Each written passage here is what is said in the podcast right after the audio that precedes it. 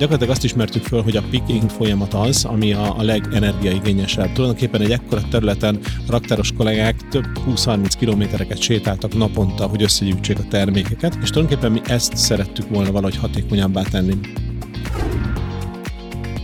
meg kell újulni, mindig valami újat kell adni, mert annyira gyors ez a világ, hogy ha látják azt, hogy kihoztál valamit, te ügyes vagy, kihozom én is, és kész. És már is ott van egy ugyanolyan, olcsóbban, neked kell lenni a trendsetternek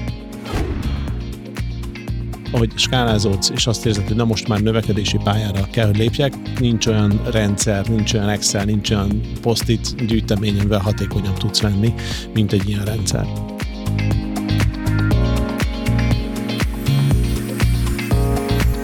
Mitől lesz egy cég sikeresebb a többinél? Mi kell ahhoz, hogy egy vezető úgy építse fel cégét, hogy az fenntarthatóan működjön miatt folyamatosan növekedni is képes? Vagy éppen ahhoz, hogy egy vágyott szint elérését követően a vállalkozás magabiztos lábakon álljon, akár nélküle is? Mit és hogyan kell átgondolni, majd folyamatokba ültetni, hogy egy jól működő cégünk legyen? Milyen hozzáállás és gondolkodásmód vezet el mindenhez? A cégépítőkben célunk, hogy magyar vállalkozói történeteken keresztül bemutassuk nektek, ők honnan, hová jutottak el, Szó lesz mindsetről, praktikákról, necces helyzetekről és felemelkedésekről. Beszélgető társaim betekintést engednek, mit és hogyan építettek fel cégükben, milyen folyamatokat és rendszereket fejlesztenek a mai napig. Na és persze, hogy ezeknek milyen eredménye van a vállalkozásukban. Minden részben eltérő témakör, iparág, cégméret és motiváció szerint hívunk meg vendégeket. Olyanokat, akik mondhatni igazi cégépítők. Maradj velünk, és ismerd meg történetük, inspirálódj, tanulj és fejlődj. Én Egerszegi Krisztián vagyok, a Minicérem cégépítője, és ez itt a Cégépítők Podcast. A Cégépítők Podcastet eléred minden platformon. Hallgassd a kedvenceden, és kövess be a sorozatot. Találkozzunk a következő adások során is.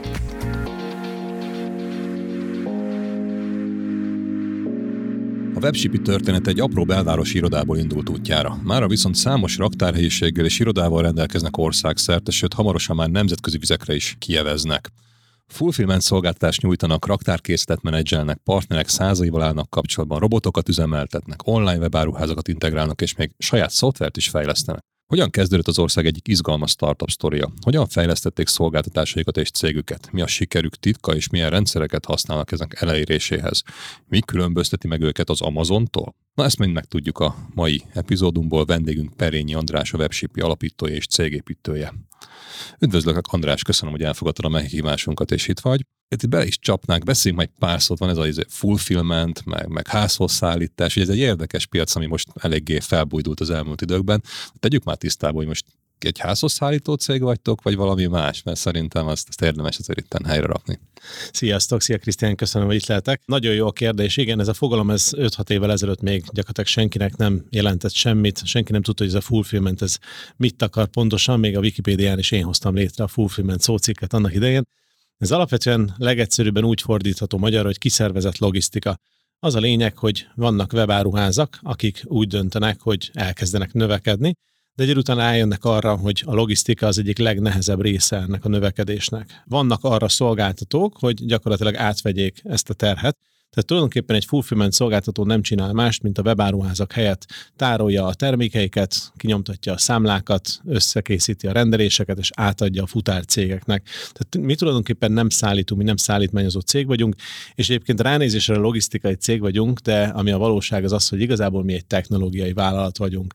Erről majd később beszélünk, hogy hogy jön ez. Ugye ez a mellesleg szoftvert is fejlesztenek, tulajdonképpen így indult minden. Szuper. Igazából akkor megoldottátok azt az utálatos dolgot, amit szerintem senki nem szeret, ezt az adminisztratív dolgot, hogy értékesítjük jó termékünk, szolgáltásunk online elnyomjuk, utána ezt majd valaki kiviszi, akinek vannak, nem tudom, eszközei, futár és a többi, és a kettő között van, amit a, a webshopoknak kéne megoldani, és ezt nagyon sokan nem szeretik, és ha nincsenek rá felkészülve, akkor ezen akár meg is tud burulni az üzletük. Ti meg ezt felismerve adtatok egy, egy nagyszerű szolgáltatást. Szuper. És mondtad, hogy ez olyan öt éve még nem is létezett, és ez a, az egész újdonság. Erre mekkora piaci igény van egyébként? Ezt ti találtátok ki, ti csináltatok piacot, vagy csak felismertétek és elkezdtétek csinálni, meg gondolom nem egyedül van a webship azért, azért ezen a piacon. Abszolút. Alapvetően szerintem az online kereskedelem növekedésével együtt nőtt az igény is, illetve én azt szoktam mondani, hogy amikor megteremtesz egy remek szolgáltatást, akkor egyszer csak megjelenik rá az igény is, ha az tényleg egy jó szolgáltatás és hiánypótló. Magát a fulfillment szolgáltatást nem mi találtuk ki, ezt Amerikában már nagyon sok cég csinálja.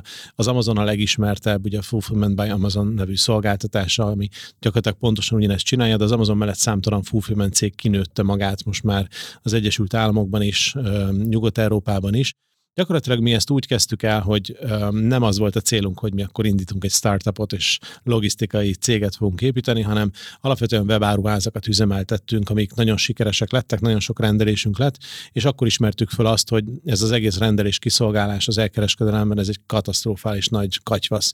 Ez borzasztó nehéz és nagyon drága. Tehát ahogy nő egy cég, ahogy nő egy webshop, ez egyre drágább lesz, egyre több erőforrást kell erre áldozni, és, és akkor találkoztunk azzal a kifejezéssel először, hogy fulfillment, és láttuk, hogy Amerikában erre már számtalan megoldást lehet találni.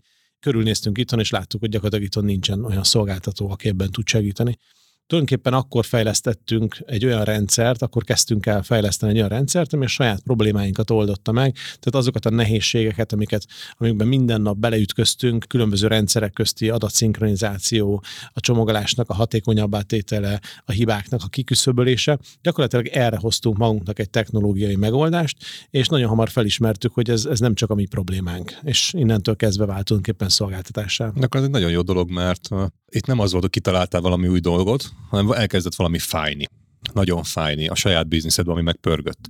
És akkor elkezdett körbenézni a piacon, és ezt nagyon sokan egyébként elrontják, amikor valami új dolgot csinálnak, hogy újra feltalálják a spanyol viaszt, az közben a piacon már létezik, csak nem tudott róla, és akkor egy nagy bukó a vége. Meg körbejártatok, megtaláltátok a megoldást erre, Magyarországon nem volt, fájt napi szinten, mert, mert pénzt vesztetek akár rajta a saját bizniszetekben, és ebből hoztátok létre ezt a dolgot. Na ez szerintem egy így kell indulni. Nem klasszikus, kérdés. Klasszikus. Hát én azt mondom, a klasszikus az szerintem a, magyar KKV történetében nem ez. ez szerintem ez, a, ez inkább lenne a modern és a jó út, amikor tényleg felismerve és egy jó, jó dologgal mentek ki a piacra. És egyébként mondtad, hogy amikor elindult, de itt akkor a webshipi még nem volt ekkora, meg nem tudom, hogy mi volt a fejetek, hogy mi lesz ebből az egészből, azon kívül, hogy ez egy valós piaci igényre adott válasz, és remélhetőleg egy jó szolgáltatás lesz és az elején még itt mondhatod, valami kis panellakásból indult az egész, valami kis lyukba az egész elindult. Hogy volt ez az egésznek a Igen, gyakorlatilag a, gyakorlatilag a Pozsonyi úton volt az irodánk, azért nem panellakás, meg nem kis lyuk, de, de végül is volt. egy, egy, egy jobb, jobb szín, szuper. Új lipott városiakat, ezt nem mennék jó néven, de alapvetően egy lakásirodából indult az egész. Gyakorlatilag a web, webshopokat, amiket csináltunk, azokat onnan üzemeltettük, ott béreltünk egy lakásirodát, és tulajdonképpen először ott kezdtük el a saját készleteinket felhalmozni. Először csak a fal mellett álltak a dobozok, aztán már vettünk egy polcot, és azon voltak a termékek, és a végén igazából az egész iroda megtelt salgó polcokkal, és ugye, ahogy mondtam, az elején a saját termékeink voltak ott, de aztán később szomszédirodában egy szintén webáruház üzemeltető srác fölismert, hogy mi már délután kettőkor végeztünk, ő meg még mindig csomagol ötkor, és megkérdezte, hogy ezt hogy csináljuk, és egész egyszerűen mondtuk, hogy hát úgy, hogy találtunk erre egy olyan megoldást, ami hatékony és tulajdonképpen kvázi ő volt az első ügyfelünk szinte, és gyakorlatilag innentől kezdve már elkezdtük kommunikálni, elkezdtük webshippinek hívni ezt a szolgáltatást, és elhatároztuk, hogy akkor ezt tényleg bevezetjük a, a piacra. Most, hogyha akkor nekem valaki azt mondja, hogy öt évvel később ugyanolyan robotok fognak egy közel 10 ezer négyzetméteres raktárba rohangálni, mint amik az Amazon központjában vannak, akkor ez biztos nem hittem volna. Várj, várj. 10 ezer négyzetméteren vagytok most. 7700 7700. És mennyi indultatok? Az első, az a lakás, ez 25. Tehát 25-ről 7700, és gondolom ez még nem a vége. Ez nem a vége, sőt, hát igen, a 7700 az a saját üzemeltetésű raktárunk, most már van egy alválkoztatott raktárunk is, amiben szintén ott már 3000 négyzetméteren vannak robotok, tehát gyakorlatilag mi azt ismertük föl, hogy a, a következő lépés már nálunk nem az, hogy mi üzemeltetjük ezeket a raktárakat, hát, hanem tulajdonképpen mi a modellt találtuk ki, azt a know-how-t, amivel a leghatékonyabban lehet manapság elkereskedelmi logisztikai tevékenységet végezni, illetve tulajdonképpen fejlesztettünk hozzá egy olyan szoftvert, amivel ezt a leghatékonyabban és a legkevesebb hibával lehet elvégezni. Tulajdonképpen ezt a know-how-t visszük mi tovább, és egy ilyen franchise jellegű, alvállalkozói jellegű modellben terjeszkedünk. Értem, akkor igazából az elején is manuálisan, emberi munkával kezdtétek ezt itt pakolgatni ott, amit kell, meg a logisztikát ott a 25 négyzetméteres irodába, és utána Ez mikor jött egyébként a gondolat, hogy, hogy nem emberekkel akarjátok majd megoldani ezt a dolgot, és, és, és ezt a 7700 négyzetméter most így el sem bírom képzelni, hogy mennyi embernek kéne egyébként dolgoznia, ahhoz, hogy azt a hatékonyságot, valószínűleg nem is lenne legendő ekkora terület, elérje, mint most van a robotokkal. Ez egy tudatos döntés volt már a leges legelején, vagy azért ezt menet közben alakult, meg mikor és hogyan, mert ez biztos nem az volt, hogy a két ember ott csomagol, 25 négyzetméter, azt a következő lépés az, hogy nem tudom, hány robot a több ezer négyzetméteren. Igen, nagyon fontos, hogy nem teljesen embermentes raktárunk, sőt, kb. 70 ember dolgozik a raktárban. Tehát itt ennek a robotizációnak nem az volt feltétlenül a lényege, hogy kizárjuk az emberi erőforrást, az emberi munkaerőt. Gyakorlatilag az a lényeg, hogy ahogy nő egy operáció, ahogy nő egy raktár, ugye egyre nagyobb területről kell összeszedni a termékeket. És ugye különböző folyamatok vannak, ugye a picking, vagy régi nevén ugye a komissiózás, amikor összegyűjtöm a rendelésekhez szükséges termékeket, van a csomagolás, van a bevételezés, van a szortírozás, ezek külön munkafázisok. Gyakorlatilag azt ismertük föl, hogy a picking folyamat az, ami a, a legenergiaigényesebb. Tulajdonképpen egy ekkora területen a raktáros kollégák több 20-30 kilométereket sétáltak naponta, hogy összegyűjtsék gyűjtsék a termékeket, és tulajdonképpen mi ezt szerettük volna valahogy hatékonyabbá tenni. Az a robot technológia, amit mi használunk, az nem tesz mást, mint gyakorlatilag a polcokat viszi oda a picker kollégákhoz, vagy illetve most már operátor kollégáknak hívjuk őket. Tulajdonképpen egy helyben állnak egy kapu előtt, és um, egy ilyen robotporszívóhoz hasonló robotok azok, picit nagyobbak, amik alá mennek a polcok alá, és az egész polcot felemelik, és odahozzák a kollégának. És a kollégának csak annyi a dolga, hogy egy adott regből leszedje a terméket, lecsippantsa és beletegy egy másik dobozba, és a polc már el is ment, és a következő következő polc van a helyén. Tehát tulajdonképpen a sétálást, illetve ezt a nagyon nagy energiaveszteséget zártuk ki a rendszerből. Ilyen mobil futószalag-szerűség, vagy intelligens futószalag, nem ami úgy össze-vissza. Nem, nem csak egy eleje meg egy vége van, hanem így sok helyről összehozza. És egyébként, ha vele gondolunk, akkor itt ti megoldottátok meg az elején a, a céges fitness programot, mert meg volt a napi 20, 20 km, azért az nem kevés. Most meg egy helyben állnak a kollégák. Nem hiányzik nekik az, hogy sokat kellett mászkálni, és akkor jó kondiba voltak? Igen, alapvetően megvan a régi is, de egyébként tényleg szoktuk ezt mondani, hogy ez nálunk a, a céges jutatás, hogy nem, nem kell gyakorlatilag edzőterembe menni. Valóban egymás mellett fut a két folyamat. Tehát tulajdonképpen van egy úgynevezett manuális picking, meg van a robotizált picking. Azt, hogy melyik termék hova kerül, azt a rendszer dönti el különböző algoritmusok alapján, általában a forgási sebesség határozza azt meg, hogy ő most egy polcra kell, hogy kerüljön, tehát manuális polcra kell, hogy kerüljön, vagy pedig robotra kell, hogy kerüljön. Ugyanúgy vannak manuálisan szedő pikkelő kollégák, mint, mint robotizált rendszerből szedő kollégák. A rendszer különlegessége az, hogy lehetővé tette azt, hogy ez a két eljárás az egymással párhuzamosan egyszerre tudjon működni. Van egy úgynevezett házasító terület, ami lekezeli azt, hogyha van egy olyan megrendelés, aminél az egyik termék a polcról jön, a másik termék pedig a robotról jön, egy házasító területen találkoznak ezek a termékek, és úgy kerülnek át a csomagolásra. Akkor igazából itt, ha jól értem neked, akkor az a kulcs az volt, hogy a belső folyamataidat optimalizáltad, vagy újra gondoltad, és ez, ez lesz egyre és hatékonyabb és hatékonyabb, plusz mellé raktál egy technológiai támogatást, ami egyszer a robot, meg egyszer a szoftver. A kettő, és az ember ez kell, mert ott van és felügyeli meg, irányítja meg, ő is dolgozik ebbe az egész folyamatban, de ez volt az egészben a kulcs, ha jól értem, ez a kettő dolog, hogy technológia, plusz a folyamat nagyon jól legyen kialakítva. Pontosan, jól gondolom? Pontosan, teljesen jól látod. Nagyon vicces az, hogy a, a webshipping most már 170-en dolgozunk, és uh, kb. 1500 online kereskedőnek kezeljük a teljes rendelés állományát. Ez egyébként olyan havik 150-200 ezer megrendelést jelent. Pont tegnap rekordot döntöttünk, ugye valószínűleg a hosszú hétvége miatt 16 ezer rendelést szedtek ki tegnap a kollégák egyetlen nap alatt. Ez hatalmas szám. Gyakorlatilag az a vicces, hogy ennek ellenére nagyon sokáig egy darab logisztikai, logisztikus kolléga nem volt a webshippi csapatába és ez valószínűleg azért volt, mert ahogy azt szokták mondani, józan paraszti észsel kezdtük el megvizsgálni a folyamatokat, és ismerni föl azt, hogy hol vannak problémák, hol vannak nehézségek, és a legjobb tudásunk szerint mindig arra fejlesztettünk valami automatizmust, vagy valami technológiai megoldást, ami, ami a leginkább problémás volt. És ugye gyakorlatilag próbáltunk mindent automatizálni, minden hiba lehetőséget kizárni, és a mai napig folyamatosan optimalizáljuk a rendszert, ahogy mondtad, igen. Szuper, és itt elmondta azért néhány érdekes számot. Ugye a négyzetméterekről beszéltünk az egy 25-ből 7700 plusz még 3000 milyen franchise-szerű alvállalkozói modellben, tehát 10 négyzetméter fölé mentetek. Most ilyen bődületes számokat mondta, hogy a rekord a napi 16 ezer, havi 150-200 ezer rendelés, Igen. 170 kolléga, elején ketten, vagy egyedül, vagy hányan voltatok, amikor indult az egész FCP? Hát az elején gyakorlatilag ketten Két voltunk. emberből. Igen. Tehát ez egy bődületes növekedés. Igen.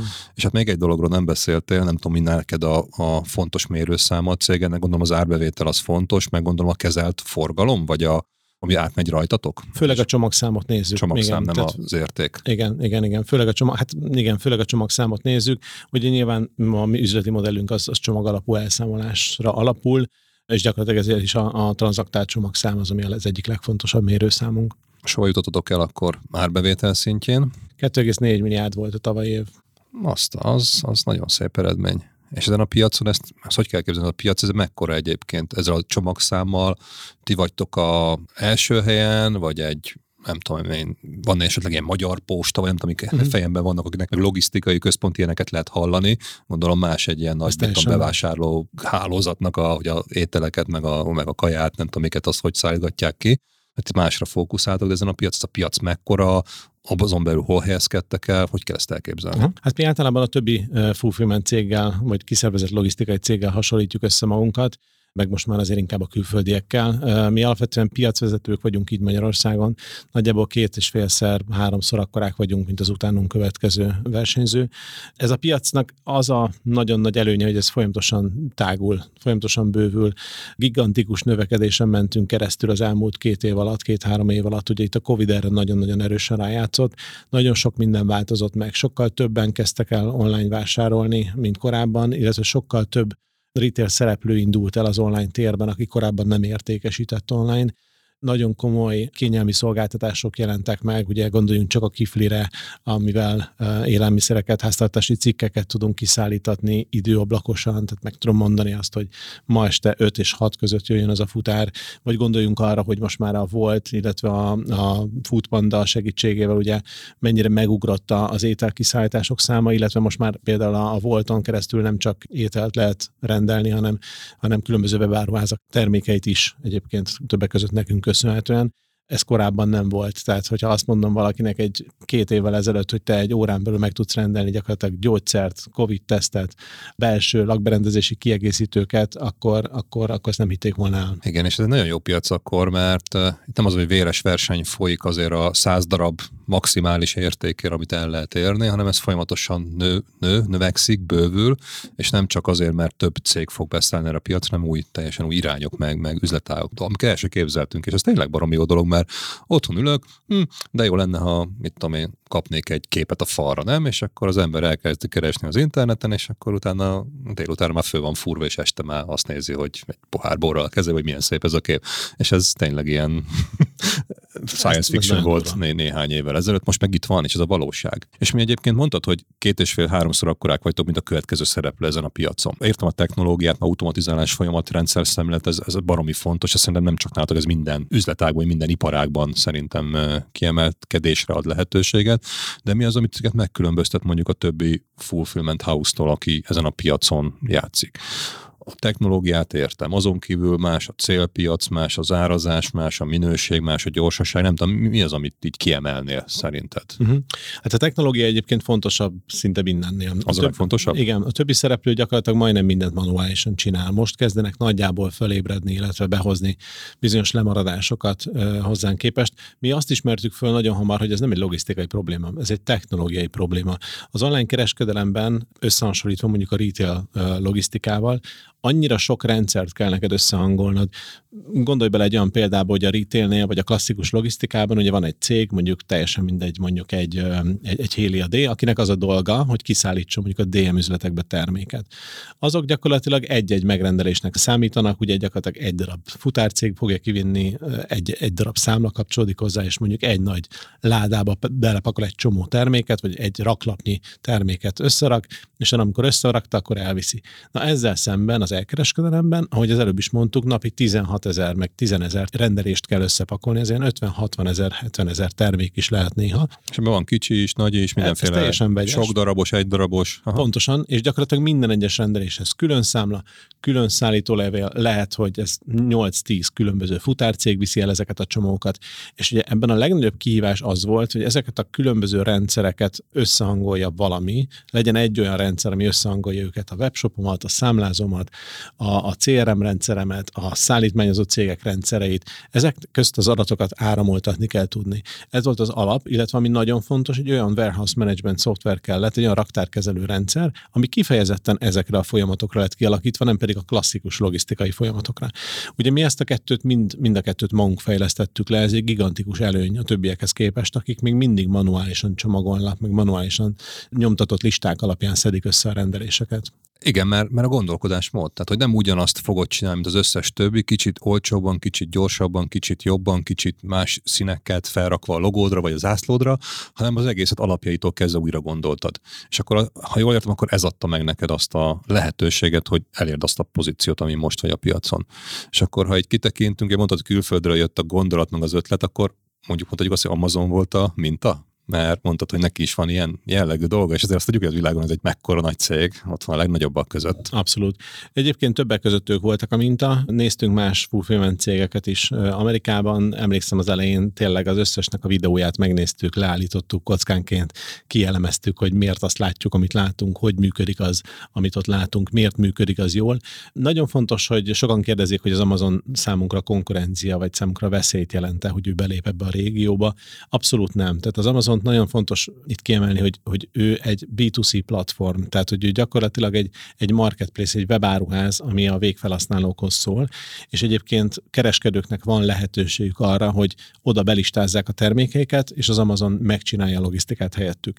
De az, aki egyébként nem ezen a marketplace-en árul, hanem a saját webáruházában szeretne kereskedni, annak az Amazon fulfillment szolgáltatása amúgy abszolút nem jó. Nagyon drága, nagyon kötött, nagyon-nagyon meg vannak határozva a folyamatok. Az Amazon mellett nagyon-nagyon sok más fulfillment cég nőtte ki magát Amerikában is. Mi is gyakorlatilag azokra az ügyfelekre lövünk, akik, akiknek gyakorlatilag nem jó az Amazon szolgáltatása, vagy túl drága. Úgyhogy, de amúgy, mint logisztikai rendszer, amúgy őt vettük alapul többek között. Értem. És a másik véglet, amit lehetne mondani, ez engem személyesen is érdekel, hogy Kína. Ugye AliExpress és társai, tehát hogy a józan észre lehet felfogni, hogy rendelsz Kínából, nem tudom én, egy mobiltelefon tokot három és fél dollárért, vagy másfél dollárért, tehát egy ilyen fillérekért, postaköltség ingyenes, és oké, okay, hogy lassan ér ide, mit tudom, egy hónap amíg, vagy másfél hónap amíg megkapod, de hogy apám, ebbe hol az üzlet? És gondolom itt valami hasonló lehet a háttérben, hogy nekik is csak technológiával tudják ezt megoldani, meg vagy olyan folyamatta, hogy ez megérje, tehát tényleg mit tudom pár száz forintért kapjak valamit, ami itthon meg egyébként, ha bemegyek egy boltba, akkor több ezer, mit tudom, három-négy ezer forintért kapom meg ugyanazt a terméket.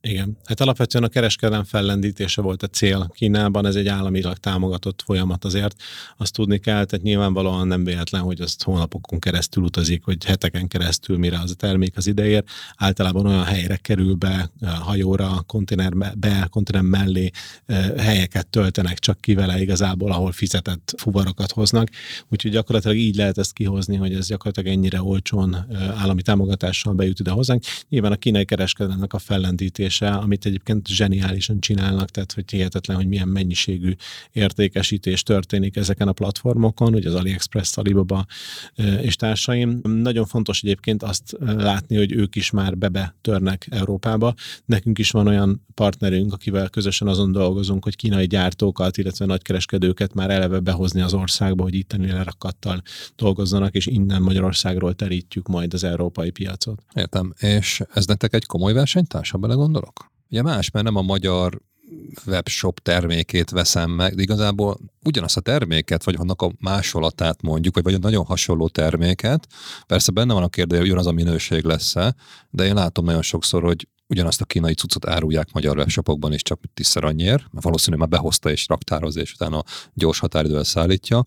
Ez mennyire, nem tudom én, veszélyezteti a ti piacotokat, vagy, vagy ez egy tök más dolog, ők elvannak maguknak, aki akarja, meg vállal ezt a kockát, ott működik, mert egyébként a másik igen, az ember az meg egy gyarló lény, ha valamit akar, azt azonnal akarja, tehát hogy nem tud várni egy Pontosan. hónapot, vagy másfelet. Pontosan, tehát ez egy, egy, igen, nagyon összetett a kérdés, jó a kérdés, összetett a kérdés, egyik oldalról egyébként nagyon sok olyan termék van, ami nem Kínába készül, van az a mondás, hogy minden hamisítvány, ami nem kínai, azért ez nem teljesen így igaz.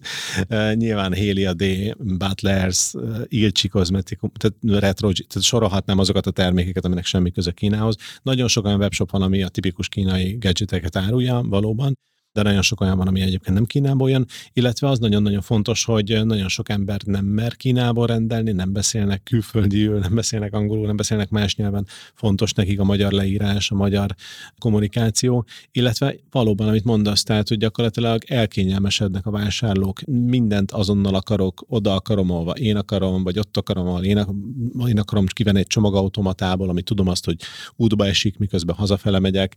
Tehát, hogy, hogy igazából ez, ez látszik, ez a trend, hogy, hogy tulajdonképpen a fogyasztó lesz a király még mindig, meg még inkább, mint ahogy eddig is, és gyakorlatilag ő az, akinek az igényeit ki, ki kell elégíteni. Ha ugyanaz... És akkor ezért, bocs, ezért vannak ezek a kvázi egy órán belül az otthonodban van bármi, és nem a pizzára gondolok, amit megszoktuk, Pontosan. hogy az kijön fél óra alatt, hanem tényleg bármi, amiért el kell menned, le kell parkolni, ki kell fizetned a benzinköltséget, ott nem tudom, sorban állni, elcseszel egy csomó időt, amíg körbemész a nagyáruházba, és akkor, ha belegondolsz, az, hogy egy órán belül ott van nálad, és persze kell valamit fizetni érte, de egyébként az időd meg a te költséget, hogy azt megkapd, az valószínűleg tízszer annyiba kerülne, és akkor Pontosan. ezt kell felfogni az embereknek. De valószínűleg ezért is van ez a szolgáltatás, mert volt rá piaci igény. Abszolút. Abszolút. Tehát van, van az a szegmens, én most látom rajtunk, hogy uh, saját személyes példámon otthon két gyerkőccel otthon vagyunk, ugye a párom most otthon van a, kisebbikkel, a babával, és gyakorlatilag hát komolyan végig kell gondolni, hogyha te ki akarsz mozdulni, ha föl akarsz öltözni, elmenni egy Tesco-ba, vagy bárhol bevásárolni. Ez félnapos program, nem? Konkrétan egy félnapos program, és rájössz, hogy meg öletbe veszed a telefonodat, végignyomogatod azt, hogy mire van szükséged, és plusz 900 forintot vesztettél, de gyakorlatilag megúsztad az egész macerát, és egy órán belül ott van. De várj, ez egy fontos dolog, azt mondja, plusz 900 forintot vesztettél. Hát tegyük már hozzá. Nyer, hát mennyit nyertél? Szerintem 9000-et nyertél legalább, nem? Igen. És ha hozzárakod az idődet, meg a benzinköltséget, meg még a gyereket meg kell, meg kell, meg kell vesztegetni két csokival, hogy ne sírjon, meg nem tudom. És már is Tehát ha odaraksz, és akkor azért az nem mindegy. Igen. Nem véletlenül vezettük be mi is ugye az új szolgáltatásunkat, a Webshipi Priót. Ugye ez egyébként pontosan erre ad választ. Ez egy saját szállítási szolgáltatásunk, amiben gyakorlatilag azt vállaljuk, hogy Budapest területén a délután négyig megrendelt termékeket, még aznap este 6 és 10 között kiszállít szállítjuk. Közel egy órás, ha mondjuk négykor adom le a rendelést, hát akkor, akkor igen. néhány órán belül ott van nálam. Igen, Aha. itt ugye az ebbe a lényeg, hogy aznap, illetve az a lényeg, hogy egy olyan idősávban, amikor amúgy nem járnak futárok. Tehát este hat után, Meg akkor van ott az ott, ember. Pontosan. Ugye? Már ez a másik, ez a tipikus, hogy dolgozik az ember, és akkor régen az ott, hogy az irodai címet ad meg, mert akkor ott van valaki, és át fogja venni. Most meg ugye a home office van, ezért nincsenek az irodában, de azért mindig előfordul az, hogy pont akkor jön a futár, amikor az ember nincs otthon. Pontosan. És akkor hívnak, nem tudod fölvenni, majd jön holnap, akkor se jó, és akkor itt megy ez a ide-oda tologatás. Úgyhogy ez a kényelem, ez, ez, ezt értem abszolút egy, egy fontos dolog, és ugye gondolom ezért vannak a csomagautomaták, meg minden egyéb, abszolút. amit is ti kitaláltok. És egyébként ez mennyire fontos, amit most elmondtam, és most mondtad, nem tudom, hogy három új dolgot legalább mondtál most az utóbbi időben, amit ti beleraktatok a induló ötlethez képest, ami már jól fölpörgött. Milyen gyakran jöttök ki új szolgáltatással, új ötlettel, ez, ami segít a technológia mellett, hogy ott legyetek a piacvezető pozícióban, ezeket validáljátok, vagy kitaláljátok, kipróbáljuk, aztán ha bejön, bejön, akkor örülünk, hanem akkor így jártunk, hogy tudatosan csináljátok, vagy tényleg ilyen, mert ötlet azért rengeteg van Persze. szerintem. Persze, nyilván azért nagyon spanyol viaszt mi sem akarunk, vagy szeretünk kitalálni, ezért meg szoktuk nézni. Bocs, hanem... miért nem? Ezt többször hallottam már itt a vendégektől, hogy én nem akarom feltalálni a spanyol viaszt. Én csinálom azt, ami jól bevált. Miért? Ebben van a biznisz? Alapvetően nem kell nagyon spanyol viaszt föltalálnod, mert annyira nagy elmaradásba vagyunk ebben a régióban, hogy elég meg, megnézed azt, hogy Németországban mi történik, vagy még kicsit nyugatabbra mész, megnézed Amerikában mi van, és még Amerika is elmaradásban van Kínához képest. Tehát, hogy brutális, hogy például Kínában milyen szintű forgalmak vannak, ugye ott a két nagy egyeduralkodó, vagy hát a, a, az ilyen duális helyzetben levő webáruház van, ugye az Alibaba, illetve a, a, a JD.com, ez a két nagy áruházról rendel mindenki, és pár évvel ezelőtti adat, ezt el szoktam mondani, mindenki megdöbben rajta, hogy csak a JD.com-on egyetlen nap alatt, 11. 11-én akkora forgalom volt, mint a teljes amerikai online forgalom a Black Friday és a Cyber Monday között. Ez gigantikus, és ezt a forgalmat, ezt a rendelés számot, ennek a 80%-át aznap megkapták a vásárlók. Ez brutális, ha belegondolom. Tehát elképesztő. Én voltam kint egyszer, és voltunk egy városban, és mondták, hogy igen, ez az egyik elkereskedelmi központ, és hogy itt vannak a legnagyobb elosztó központok, és mondták, hogy itt van egy raktár, ami ilyen 300 ezer csomagot tud. És 300 ezer? 300 ezer, és, és, és, és, per nap, hát ez nem is vagyunk olyan rosszak, hát végülis nem a havi a 150-200, hát azért még kell, nem, óránként. Órák. Óránként 300. És 0-24-ben működik, gondolom. Hát azt nem tudom, hogy éjszaka működik de ez valami gigantikus számok ezek, és gyakorlatilag olyan szintű... Több nagyságrend eltérés Teljesen, van. és a maga kiszolgálásnak a minősége, és hát kínai barátommal találkoztam kint, és, és egyszer röhögött, amikor azt kérdeztem, hogy, hogy kínai piacok, ilyen jó kis izé, bevásárló, mert ilyen, ilyen különböző zöldségek, halak. Persze, mert a Magyarországon jön az már. emberek fejébe a Józsefárosi piacon, Persze. ott a kínai, hogy 500 hú, meg izé, nem tudom, hogy vannak ezek, meg kettőt, meg hármat, meg ilyenek, és a gagyit árulják Igen. olcsóért. Igen. És közben, amit elmondasz, az meg a science fiction, tehát, hogy nem Amerika, mint mondtál, hanem Kína, ami egy, mit tudom én, kommunista diktatúra, sokszor így apostrofálják azt az országot, Igen. és nem tudom, hogy milyen viszonyokat, hogy még soha nem voltam Kínában, de amit elmondtál, abból ez, ez egy ilyen beláthatatlanul, brutálisan nagy, új, komoly, előremutató valami, és, és ebből lehet, legalábbis a te piacodon mindenképpen, ebből lehet Abszolút. tanulni. Abszolút. Úgyhogy ez, ez, ez érdekes, és igazából akkor azt mondom, hogy ha most a jól sejtem, akkor nagyjából a következő évre már előre be van rakva az ötlettáratok, hogy miket kell megvalósítani, és igazából az ebbe a szép, hogy ez már tesztelt, mert működik. Igen. Tehát amit ők már elrontottak, kipróbáltak, meg félrement, abból nektek a Zsák utcában nem is kell belemenni. Igen, sok mindent meg lehet valósítani. Nekünk az a filozófiánk, és akkor igazából az igazi válasz arra, hogy, hogy miben vagyunk mi mások, mi sosem csak egy fulfillment cég akartunk lenni. Tehát az összes többi cég, aki hasonló szolgáltatást nyújt, ők, ők igazából azt tűzték ki célú, hogy fulfillment szolgáltatást nyújtanak. Nálunk ez a jéghegynek a csúcsa. Mi abban ö, látjuk a nagy megkülönböztető erőnket, hogy mi egy folyamatosan megújuló technológiai cég vagyunk, aki olyan újításokat hoz ki, ami által a mi ügyfeleink, a webáruházak, akiket mi képviselünk, gyakorlatilag minden pillanatban a legversenyképesebbek lehetnek. Mindig a legboldogabb vásárlókat fogják tudni kreálni saját maguknak, és ez pontosan az ilyen jellegű szolgáltatások révén, pontosan az olyan technológiai fejlesztéseink révén, amik által tényleg egy azonnali kiszolgálást, egy aznapi kiszolgálást, egy nagykerpiac teret, amit ugye megteremtettünk, még erről nem is beszéltünk, gyakorlatilag mind ezek azok, amik, amik kiemelik azokat a webshopokat a többiek közül. Akkor, ha jól értem, várj, akkor te duplán vagy újító mert eleve a fulfillment is már egy újítás volt, ami erre a piacra bejött, hogy kitaláltátok, behoztátok, megalkot, létrehoztátok ezt a piacot, és, és elindult, de azt mondod, hogy nem, neked nem ez a biznisz, nem az újítás, hanem ezt az újítást is még megújítod, mert ez csak a jéghegy csúcsa. És valószínűleg akkor ez az igazi cégépítő gondolkodás, ami ott van a fejedben, hogy oké, okay, csinálok valamit. Nem, egy, nem a 32 akarok lenni egy piacon ugyanazzal, csak kicsit máshogy, hanem az egész piacot meg akarom újítani, és mikor ez sikerült, akkor nem álltam meg és dölök hátra, hogy jó, akkor gyerek gyerekek, megvan minden, és akkor kasszáljunk, amit lehet, hanem még ráraksz egy lapáttal, még egy újabb nem tudom, síkot vagy nagyságrendet behozol ebbe az egészbe, és, és ez, ez garantálja az, hogy tényleg nem álltok meg azon a első pozíción, és esélyt sem adtok arra, hogy valaki majd lenyom, vagy letaszít titeket a trónról, hanem egyszerűen még egy új focipályára kiterjesztitek ezt az egész bajnokságot, vagy még kettőre, vagy nem tudom, és, és ez egy nagyszerű, hát ez külön gratulálok, mert, mert kevés ilyen típusú embert ismerek, mint te, hogy csináljunk valami újat, az oké. Okay. Ebből sok van, de az, hogy még az újnál is újabbat, már menet közben, az, az mindenképpen figyelemre méltó. Szerintem muszáj folyamatosan megújulni, tehát hogyha megnézzük az összes, um, ugye ezeket a software as a service bizniszeket, vagy megnézzük a telefon bizniszt, ugye az iPhone, tehát hogy olyan nincs, hogy kiosztom az iPhone-t, és akkor utána az a legjobb telefon, és akkor mindenki vegye, és elvárom, hogy mindenki azt vegye. Ki ja, kell és utána a következő újat. tíz évben is ugyanezt vegye. Persze, tehát ilyen nincs, meg kell újulni, mindig valami újat kell adni, mert annyira gyors ez a világ, hogy ha látják azt, hogy kiosztál valamit,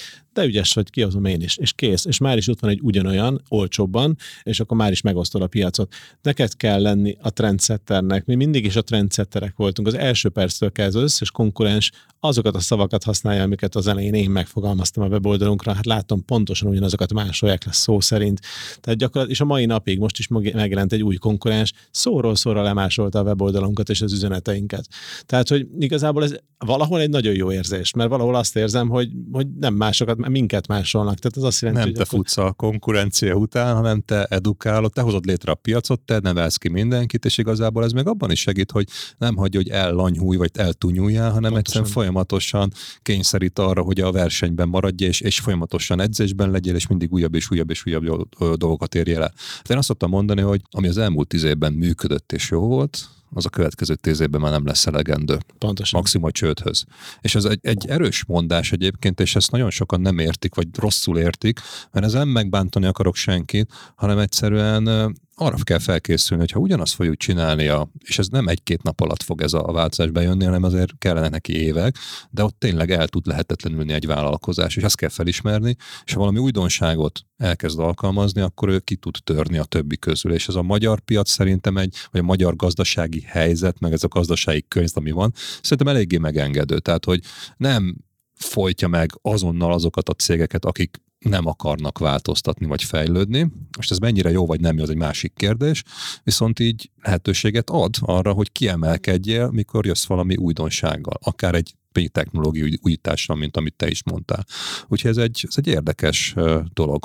Na viszont beszéljünk egy kicsit most arról, hogy milyen folyamatokat alakítottatok ki, és, és ti is használjátok a mini a rendszerrel, hogyan támogatjátok azt a növekedést, azt a folyamatos változást, megújulást, ami, amit, amiről most beszéltél. Mert ez is nagyon hasznos tud lenni még a cégnek, hogy oké, legyen egy ötletünk, meg legyen technológia, meg, meg valami alkossunk egy újat. Oké, de ha ez megvan, vagy ha valaki éppen nem így alkotta meg, de csinálja a bizniszt, akkor hadd tanuljanak abból, hogy hogyan, miért, milyen folyamatokat érdemes itt rendszerbe vinni, automatizálni, vagy, vagy miket csináltok? Hát alapvetően szerintem anélkül, hogy, a, hogy egy cég ne automatizálna bizonyos folyamatokat, vagy ne fogalmazna meg bizonyos folyamatokat, szerintem, szerintem nem lehet uh, sikeresen működni. Nekünk nagyon fontos volt az, hogy azokat a dolgokat, amik repetitívek, tehát újra és újra el kell végezni, azokat a lehető leghamarabb szabályozzuk. Legyen szó itt akár egy új raktárnyitásról, amit most ugye elvégzünk majd Szlovákiában, mire az megvan, addigra már minden le van dokumentálva, van egy forgatókönyv, hogy azt hogyan csináljuk végig. Alapvetően több rendszert használunk, a mindennapi folyamatainkhoz, a menedzsment támogatására az Assanát használjuk, a sales folyamatok támogatására a minicéremet használjuk. Nyilván a fejlesztőknek is van ugye 40-50 fős a teljes IT department, ők is használnak egy bizonyos rendszert, ugye Jirát, amiben a ő belső folyamatokat használják. Tehát igazából én azt gondolom, hogy minden folyamatra meg kell találni azt a rendszert, ami a legalkalmasabb. Szerintem nem túl sok rendszert kell használni, tehát az is nagyon veszélyes, amikor a, amikor a kollégák elvesz, elvesznek a különböző rendszerek között. Nyilván az e-mailt azt, azt már próbáltuk hátrahagyni, tehát ehelyett ugye belső kommunikáció kommunikációra például Slack-et használunk, illetve most vezetünk majd be egy intranet rendszert, tehát gyakorlatilag eh, minden folyamatra megtaláltuk a legmegfelelőbb eszközt. Szuper. És ez mennyire, most mondtad, hogy minden le van dokumentálva, például raktárnyitásnál, gondolom, ez a ez, ez belülről jött, ezt megtanultátok, vagy volt egy, megütöttétek a bokátokat egyszer-kétszer, amikor kimaradtak lépések, és emiatt akár egy projekt bukott meg, és ez mekkora erőfeszítés, vagy mennyi időt, energiát igényel, hogy ez, ezek legyenek kialakítva, ezek a folyamatok. Ez így jött magától. Szerintem azért ez nagyon sok energia. Nyilvánvalóan nagyon egyszerű valamit csak megcsinálni, de úgy megcsinálni, hogy utána le tud írni, az ugye nyilván majd, hogy nem dupla munka, vagy tripla munka ahhoz képest ahogy növünk, egyre inkább rá, tehát ahogy nő egy szervezet, az elején még te csinálsz mindent, utána valakivel együtt csinálod, aztán kiadod, aztán ő is kiadja. Tehát ahogy mész előre, valószínűleg te nősz a problémákkal, meg a céggel, és lesznek emberek, akik azokat a feladatokat elvégzik. Hogyha ezek a feladatok nincsenek megfelelőképpen dokumentálva, akkor nem várhatod el azt, hogy, hogy ugyanolyan minőségben fogják elvégezni helyetted, mint ahogy te elvégeznéd őket. Olvastam egyszer egy könyvet, a Vállalkozás mítosza, az volt a címe, és pontosan erről szólt, hogy gyakorlatilag úgy épített valaki, vagy tehát úgy építenek vállalkozást, hogy amit már te kikísérleteztél, hogy egy folyamatot így és így kell csinálni, azt ír le a legapróbb részletekig, és biztos lehetsz afelől, hogy teljesen mindegy, hogy mekkora, milyen kvalitású embert veszel föl, ha egy idézőjelben alacsonyabb kvalitású embert is ültetsz abba a pozícióba, ő is a dokumentáció alapján el fogja tudni végezni azt ugyanúgy, mint, a, mint ahogy te csináltad az elején. És gyakorlatilag ez a, a sikeres növekedésnek az egyik titka. Ez nagyon megmarad bennem, és, és, és nagyon sok olyan feladat van, amit pontosan az elején én csináltam, aztán kiadtuk valakinek, most már ő is kiadta valakinek, nem mennének ezek, hogyha nem lennének a legutolsó gondolatig leírva, hogy hogyan kell Igen, végezni. mert akkor mindig visszakanyarodna, visszanyúlnának hozzá, hogy te segíts már, mert ez hogy volt. És ha nem írod le, akkor mindig a te fejedben van a tudás, és, a, és te lesz a szűk keresztmetszet a növekedésnek. és lehet, hogy egy megerőltető egyszer, de ha leírod, akkor egy átlátod, hogy ez hogy működik, és hogy még egyszer, még másnap alszol rá egyet, akkor lehet, hogy azt mondod, hogy hoppá, van egy fölösleges kör benne, azt egyszerűsítsük, gyorsítsuk, jobbá tesszük a folyamatot. Ebben segít. Plusz a másik, amit mondtál, hogy automatizálni kell. Ha jól értettem, akkor ez is egy kulcs nálatok. Igen. És az összes repetitív, ismétlő, ezek a tipikus ilyen nem szeretem dolgokat meg kell csinálni sokszor egymás után, azokat érdemes automatizálni, de ha nincsen leírva, akkor csak érzéseid vannak, hogy ezt sokszor megcsinálom egy nap, és lehet, hogy mindig csak az utolsóra emlékszel, amit éppen csináltam, mert az, az van a fejedben, meg az fájt a legjobban, közben lehet, hogy nem, az csak egyszer csináltad egy nap. Amit 15-ször megcsináltad, az még nem jut az eszedbe, mert, mert, mert rutinná vált és innentől kezdve ebben is tud segíteni, és akkor megmondja, hogy konkrétan mit érdemes automatizálni. Akkor ezek azok a kulcsok, amik kellenek, és ha jól értem, akkor igazából nincs más út. Tehát azt nem mondtad, hogy meg lehet ezt csinálni máshogy. Tehát, ha nincsenek leírva, meg nincsenek a folyamatok megszervezve, akkor neked soha nem lenne 170 embered, aki tudna akár nélküled is működni, önállóan és növekedni, meg fejleszteni a céget. Abszolút. Nyilván vannak dolgok, amiket nem tudsz dokumentálni. Tehát nyilván a fejlesztéseket, az újdonságokat, a szervezet növekedés által jövő üzletfejlesztési dolgokat nem lehet ledokumentálni, hisz ott újat kell alkotni. Az nem, nem tudsz még előre. Igen, de az egy teljesen más dolog. Hogy írnád le, amit még nem tudsz, persze, ugye? Persze, de erre, erre, erre, erre a megoldás szerintem egy nagyon jó menedzsment. Tehát ez lesz a másik secret, amit, amit akartam mondani, hogy alkalatilag a megfelelő emberek nélkül, megfelelő A-playerek nélkül gyakorlatilag nem lehet szerintem sikeres céget építeni, de hogyha ők már ott vannak, akkor ők már tudják ezeket ezeket az elméleteket, és ugyanígy fogják csinálni jó esetben, ahogy te is csináltad. Oké, okay, le vannak írva, meg vannak a folyamatok, van még támogató eszközött szoftvered, megoldásod, meg jó emberekkel dolgozod. De most ezek úgy gondolom, hogy most mondhatjuk, ezek alapok. Viszont azért még ez sem biztos, hogy garancia a sikerre, mert ha emberek vannak egy folyamatban, legyenek ők bármennyire jók, motiváltak, az ember az hibázik. Ezt megtanultuk de gondolom valami kontroll is van, vagy valami olyan rendszer, ami, ami most nem a nagy testvér belenéz mindenkinek a, nem tudom én, a válla fölött, hogy mit csinál éppen a adott percekben, de azért valamilyen olyan ellenőrző eszközöd, monitorozó eszközöd, megoldásod valami van, amivel látod, hogy egyáltalán mi történik a cégedben, anélkül, hogy naponta reggel 8-tól este 8-ig mindenkivel meetingelni, hogy na, akkor mit csináltál, megcsináltad, de ezt kéne csinálni, mert az meg embert. Ne, egyszerűen nincs annyi időd persze. egy nap, amennyi kéne ehhez. Persze, persze, abszolút. Vannak különböző dashboardok, amiket nézegetünk, nagyon sok KPI van a cégen belül, amiket mérünk, ugye hát technológiai cég vagyunk, meg technológiára épülünk, tehát Bocs, a KPI, csak most közbevágok elnézést, hogy ezt sokan mondják, hogy hú, KPI, meg milyen ez egy trendi valami, azért ez már talán nem annyira, mint a fulfillment. Ezekből mondtad, hogy sok van. Azokat például hogy határoztátok meg? Te kitaláltad, kértél egy külső tanácsot, akkor megmondta, hogy ezt a 32 dolgot, vagy 8 vagy 5 kell nézni. Ez hogy jött? Mert azért az sem egyszerű meghatározni, hogy mit kell nézni, mit érdemes nézni, mit kötelező, ami nélkül nem működhet a cég. Nagyon nehéz persze. Alapvetően ugye ketten vagyunk alapítói ennek a cégnek, a társammal, a Vorobcsuk Zolival, és mi nagyon jól leosztottuk egymás között a feladatokat.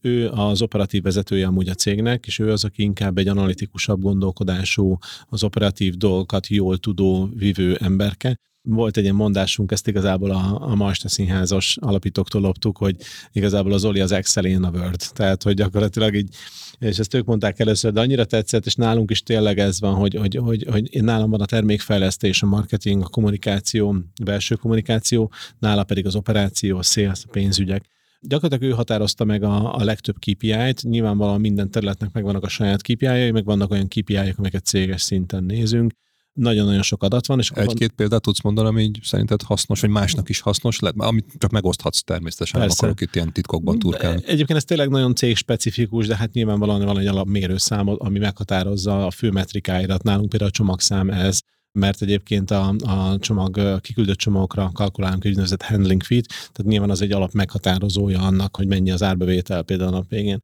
de, de nézhetünk olyat is, hogy csomagra vetített árbevétel például az hogyan alakul. Ez is egy nagyon fontos, hiszen, hiszen ahogy mondtam, az elején csak fulfillment szolgáltatást nyújtottunk, most meg már egyre több kiegészítő szolgáltatást építünk rá, és így a csomagra vetített árbevételünk az ugye folyamatosan nő az idők során, és ez is a célunk, hogy ezt folyamatosan növeljük de itt beszélhetnénk raktár hatékonyságot meghatározó mérőszámokról is, dock-to-stock, amennyi alatt bevételezünk egy adott beszállítást, picking time, packing time, tehát gyakorlatilag mi mindent mérünk. Hány amit... KPI-tok van, mert most elkezdték bele Százas, százas Száz, nagyság. nem igen, kevés. Nagyon-nagyon sok. Nyilvánvalóan nem mindent kell napi szinten nézni, már mint hogy nyilván a változást kell nézni, hogyha valami eltér, valami romlik, azt azért figyelik az a részlegvezetők, de alapvetően vannak fő meghatározó számok, amiket mi goal szinten meghatározunk. Van egy ilyen rendszer, amit alkalmazunk, gyakorlatilag van egy víziónk nyilván, amit el szeretnénk érni, abból származtatunk éves célokat, amik alcélokra bomlanak, és gyakorlatilag ezeket az alcélokat támogatják projektek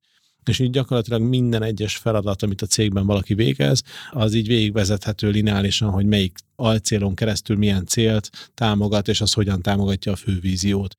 Ezt most vezetjük be, hogy ennyire tudatos legyen. Én azt gondolom, hogy ez nagyon fontos, amit kérdeztem, mi kell még. Szerintem nagyon fontos az, hogy legyen egy egyértelmű vízió, legyenek egyértelmű értékek, és azt, hogy a kulcs embereknek, a menedzsmentnek, illetve az összes munkavállalónak a lehető legegyértelműbben, legtisztábban, legtranszparensebben kommunikáljuk ezeket, a, ezeket az értéket, ezt a víziót. Hogyha egy irányba néznek, egy irányba megy a hajóra, akkor fogunk eljutni oda, ahova szeretnénk. Azért fontos akkor, amit mondtál, hogy legyen egy olyan rendszered, ami kvázi vezérli a cégedet, és benne vannak a folyamatai, mert ha neked, mint cégvezetőnek, aki a stratégiáira, vízióira, célokért fel napi szinten ezen az operatív mondjuk az, hogy tűzoltással, ami minden nap van, kéne foglalkozni, akkor erre se időd, energiád nem lenne, meg lehetőséged se. És fontos, hogy másik szintre helyezd magad, és onnantól kezdve ezért fontos, hogy ez a 100 kpi nem te nézed, hanem a, az is delegálva, hogy melyik KPI-ért gondolom kifelel, és ha ott valami dolog van, vagy probléma van, akkor ő be is tudjon alkotni, hogy részlegvezető, vagy csoportvezető, vagy menedzsment és neked meg a fő céges mérőszámokat kell figyelni folyamatosan, és abból kell azt validálni, hogy jó irányba megy a cég. Pontosan. És ha nem, akkor meg kicsit így visszatéríteni a megfelelő irányba, vagy gyorsítani, vagy ilyesmi. Pontosan, ha? pontosan. És mi az a rendszer egyébként, azt elmondod, ennek mi a neve? Asana. Asana, Asana, nem, Asana. nem arra gondolok, erre a menedzsment módszertanra, amit mondtál, hogy vízió, hozzákötjük a projekteket, ja. célokat, ennek a módszertanak van valami neve, vagy ezt ti találtátok Hú, ki? Vagy? Ezt, ezt nem tudom pontosan, de ezt az, hogy elég, elég sok helyen megtalálod, meg elég sok helyen oktatják. Ugye az Asana nagyon jó tréningeket ad, és egyébként ezt az alap elképzelést, ezt onnan hoztuk. Gyakorlatilag az, az úgynevezett OKR-eket használnak, tehát Objectives and Key Results. Tehát mit akarok elérni, milyen mérőszámok mentén. Ezeket kell ugye gyakorlatilag gólok és szápgólok formájában meghatározni, ezekkel, hogy támogassák tulajdonképpen a fő víziódat. Szuper. Ezt egyébként ennek is magyar gyökerei vannak ennek a módszert, ami az Intel alapító találtak is, a Google-nél is használják Igen. ezerrel, úgyhogy úgy látszik nem csak a technológiát, az inspirációt, hanem, hanem erre a menedzsment módszert arra is külföldről hozzátok az ötleteket. Mi is kipróbáltuk egyébként az OKR-t, a minicéremnél nekünk a 4DX az, ami bejött, és mi azt, azt használjuk, van hasonlóság a kettő között. Én azt javaslom, egy tanácsolom egyébként minden hallgatónknak, hogy, hogy érdemes ezt is áttekinteni, mert nem csak egy szoftverről kell beszélni, nem csak arra egy folyamatról, persze józan parasztészre át lehet ezeket gondolni, viszont nagyon sok olyan dolgot kipróbáltak a világban, amiből érdemes inspirálódni és tanulni, és ezek is olyan dolgok, amelyeknek bizonyos részei az tényleg tök logikusan magától jönnek, viszont ad egy olyan keretet neked, ami a cégednek a hatékony működését, meg a növekedését biztosítja, azt mondom hosszú távon. És ha még egy picit visszatérünk itt, ugye mondtad, hogy minden rendszerben megvannak az adott folyamatok, Unicéremről tudsz még valamit mondani, abban milyen az engem is érdekelne, most milyen folyamatokat raktatok, ahol mondta, hogy az értékesítés van első körben azzal kezelve. Meg, meg az hogy működött, hogy kitaláltad, hogy van valami értékesítés, nem tudom, milyen lépéseken keresztül megy, és akkor azt te összekattingattad annó, vagy, vagy kollégának volt delegálva, vagy ez hogy működött? Ebben nagyon nagy szerepe volt egyébként a, a minicérem csapatának is annak idején. Én azt gondolom, hogy rengeteg CRM rendszer van a piacon, és megint csak, amit mondtál az előbb, ezt valaki, valaki nagyon megfogalmazta a múlt héten, vagy két héttel ezelőtt, hogy nagyon sokan esnek abba a hibába, hogy eszközt választanak, ahelyett, hogy módszertant választanának először, és ahhoz választanának eszközt. Mi is nagyon sok CRM rendszert megnéztünk, még nem közben rájöttünk, hogy igazából mi CRM-ül nem értünk, nem, nem tudjuk, hogy hogyan kell ezt hatékonyan csinálni, mik azok a jó folyamatok, amiket kell ahhoz elvégezni, hogy egy, hogy egy, például egy értékesítési folyamat jól működjön. Nekünk azt kellett megtanulnunk, hogy hogyan kell ezt a tevékenységet végezni. Azt, hogy utána ezt milyen rendszerrel végezzük, az már egy idézőjelben másodlagos kérdés, és mi egyébként a mini CRM-től kaptuk meg annak idén azt a támogatást, hogy gyakorlatilag bevezettek abba a folyamatba, hogy hogyan kell felépíteni ezeket a funneleket, hogyan érdemes felépíteni felépíteni az egyes lépéseket. A mai napig ezeket használjuk, most már azért nyilván több modult használunk benne, és több folyamatot felépítettünk benne, ezt a sales vezetőnk kezeli alapvetően most már, de gyakorlatilag nekünk nagyon fontos volt ennek a tudásnak a megszerzése, és én azt gondolom, hogy ezt egy gyorsító pályán kellett megszereznünk, tehát ez, ez, ez nem egy olyan tudás, amire ráérsz úgy, hogy akkor majd szépen megtanulgatom minden onnan blogokból összeszedem, hanem ez tényleg gyorsan kellett elindulni, hogy ezt jól tudjuk csinálni. Nagyon hamar kiderült az, hogy az Excel az nem elég, tehát hogy arra, hogy, hogy, hogy, a, hogy az ügyfeleidet kezeld meg, hogy mivel ki van. Nagyon-nagyon fontos dolgokat tanultunk annak idején a, a mini csapattól, nincs projekt következő aktuális teendő nélkül, csak akkor, hogyha az vesztett, vagy ha nyert. És gyakorlatilag ez volt az alap, alap ami egy annyira egyszerű dolog szerintem, mint a faék. De mégis szerintem nagyon-nagyon sok cég egyáltalán, vagy nagyon sok ember úgy szélszel, hogy, hogy úgy végzi a munkáját, akár legyen szó az egy sima projektmenedzsmentről, teljesen minden nem kell egy sales folyamat legyen, hogy egész egyszerűen nem állítja be ezt a következő tudót, és nincs emlékeztetve, hogy oké, és azzal mi van, és, és hogyha eltelt egy hét, akkor azzal mi van, és lehet, hogy csak annyi van, hogy meg kell pingelni az illetőt, hogy te figyelj, azóta bármi változik, és ennyi kell hozzá. Kicsit ilyen gétedés igen, ez pedig én azt tudom mondani, hogy még ezt lehet tovább fokozni, hogy ha nyert, akkor sincs vége, mert akkor lehet újra eladni. Akkor meg értékesítésről beszélünk, ha meg lost, hogy mi ez vesztett, akkor meg lehet újra aktiválni, és akkor újra megpróbálni neki eladni. Tehát, hogy én gondolom, hogy ennek sosincsen vége, és igen, egy fontos dolog, hogy, hogy ami folyamatban van, és nincs hozzá következő tendő, akkor mi történik? Elfelejted. Pontosan. Mert rengeteg dolog van egy nap kollégáknak, és akkor nem tudják, hogy mit kell csinálni, és amilyen nincsen következő teendő, az úgy elmarad, elsikad, és ebből lesznek az ilyen panaszos dolgok, hogy na ők nem foglalkoztak velünk, és rosszul esik, és nem tudja a kollégáid azt az általad megteremtett és elvárt minőség, amit te csináltál még az elején nyújtani, ha például nem nincsen dokumentálva egyébként, és a rendszer meg abban tud segíteni, hogy az automatikusan akár emlékeztető. Föl tudja venni automatikusan is a következő teendőt, hogy te ezt nem Pontosan. kéne elfelejteni, megvezeti a, a kezelet. Szuper. És uh, itt másik, amit mondtál, hogy nagyon gyorsító pályán kellett ezt az egészet megtanulnatok. Ugye itt mennyi idő alatt, egyébként a növekedés az mennyi idő alatt ment végbe ebből a, nem tudom én, nulláról, kettő és valahány, kettő milliárd fölé, vagy, vagy 25 négyzetméterről 7700 négyzetméter, vagy 170 emberig. Ez egy év volt, tíz év volt, kettő hát ez öt, öt, év alatt. Öt, öt év alatt. alatt. Engem. Öt, hat, most lesz hat majdnem sokan. Hat év alatt azért egy brutális számok, tehát hogy nagyon sokan soha fel nem fogják, hogy hogy lesz nekem 170 alkalmazottam, vagy ennyi Igen. árbevételem, és utána azt mondtad, hogy gyorsító pálya kellett. Mert ha jól értettem, akkor, akkor ez a tudás ennél az értékesítés, hogy maradjunk ennél, akkor ennél a folyamatnál ez nem volt meg házon belül, és gondolom azért a nyomás rajtatok volt egyszer belülről is jött, meg egyszer a piaci lehetőségek, meg kvázi kényszerített arra, hogy ne álljatok meg. És innentől kezdve mondtam, hogy majd blogokat elolvasom, meg interneten itt ott elmegyek egy konferenciára, egy könyvben, az nem baromi lassú ehhez Persze. képest, nem? Persze. Mennyi idő alatt tudtátok ezt a tudást, itt ugye mondtad, hogy a kollégáim segítettek ebben, de mennyi idő alatt szereztétek ezt meg? Így most így gyakorlattal vagy menet közben, mert ugye nem az volt, hogy tanulunk, aztán majd lesz valami, hanem egyből elkezdtétek kvázi nulla tudással, és mire bevezettétek ezt az egészet, a tudást is megszereztétek, nem csak egy működő rendszer lett a Persze. birtokotokban. Szerintem ez nagyon hamar, tehát így egy hónapon belül. Tehát egy hónap. Persze. Tehát hogy nyilván mi is megnéztünk nagyon sok más rendszert, és nyilván külföldi rendszereket is, nagyon, amúgy mi szeretünk külföldi rendszereket használni, nagyon sok Na, akkor dicséret, hogy akkor velünk dolgoztak, szuper. Igen. Igen, alapvetően meg tudtunk oldani a végén nagyon sok mindent, amit meg kellett oldanunk a mini CRM-mel is. Mi egyébként sokkal magasabb szinten, tehát hogy egész magas szinten használjuk, amúgy integráltuk a saját rendszerünket is a mini CRM-mel, tehát gyakorlatilag az API kapcsolatokon keresztül um, amúgy minden egyes ügyfélregisztráció is bekerül a mini CRM rendszerébe, arra is épülnek rá automatizmusok, vagy épült épültek rá automatizmusok, most már csak egy sima sales folyamatba kerülnek bele, de végig is ott is vannak automatizmusok. Tehát alapvetően elég sok mindent kellett megoldanunk. Ugye az volt a probléma minden más rendszerrel, hogy, hogy megkaptuk, és ott volt, mint egy fehér vászon. Aztán döntsd el, hogy mit festesz rá. Így nagyon nehéz, főleg úgy, hogy nem az volt, hogy hát akkor van tök sok időnk, hogy ezt eldöntsük, hanem, hanem igazából aktív sales tevékenység folyt napi szinten. Ott volt nem, nem tudom hány lead, össze-vissza mindenféle excel És a nem állhat meg. Biznisz nem, persze. Tehát és akkor azt éreztük, hogy na most van az, hogy akkor kell valami, amivel egy picit ezt jobban rendszerezni tudjuk, automatizmusokat tudunk ráépíteni, mert, mert különben nem, nem leszünk olyan hatékonyak, ahogy azt szeretnénk. Most így visszagondolsz, akkor ez volt a jó irány? Mert lehetne azt mondani, hogy na jó, akkor egy, álljunk meg egy hónapig, rakjuk össze a szuper mit tudom, versenyautót, aztán azzal álljunk rajta, az fussunk ki. De te meg ugye azt mondtad, hogy már versenyben voltál valamilyen, nem tudom én, ilyen félig meddig guruló járgányotok volt.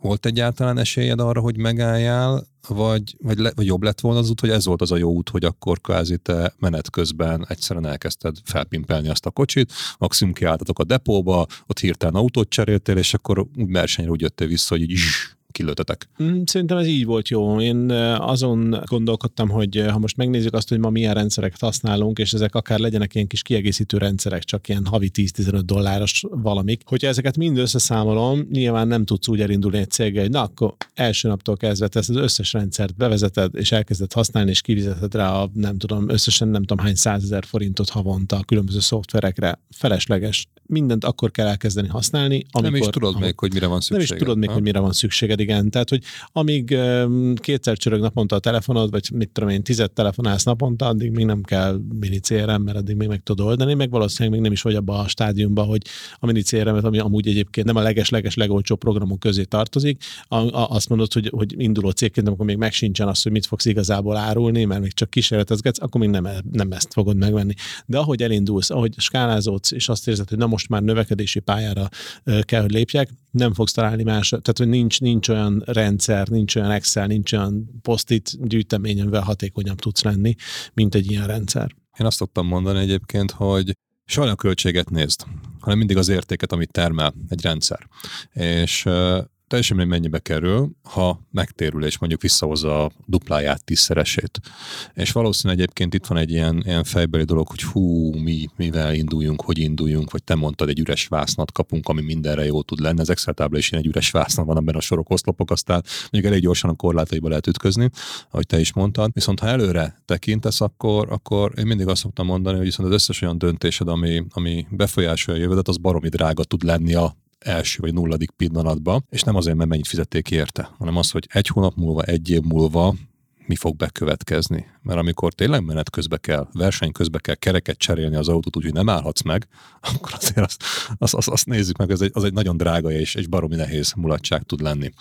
És itt, itt viszont nálatok ez, ez meg volt. És a másik, hogy egyszerűen milyen gyorsan bevezettétek, mert, mert lehet itt nézelődni, nem tudom én, évekig, hogy majd én egyszer elindítom, az el ráérünk arra, ami ez a tipikus ilyen magyaros hozzáállás, amit lehet itt hallani a történelemben, a népmességben, meg minden ilyesmiben, és nagyon sokan így működnek, hogy hova siessek, hova rohanjak.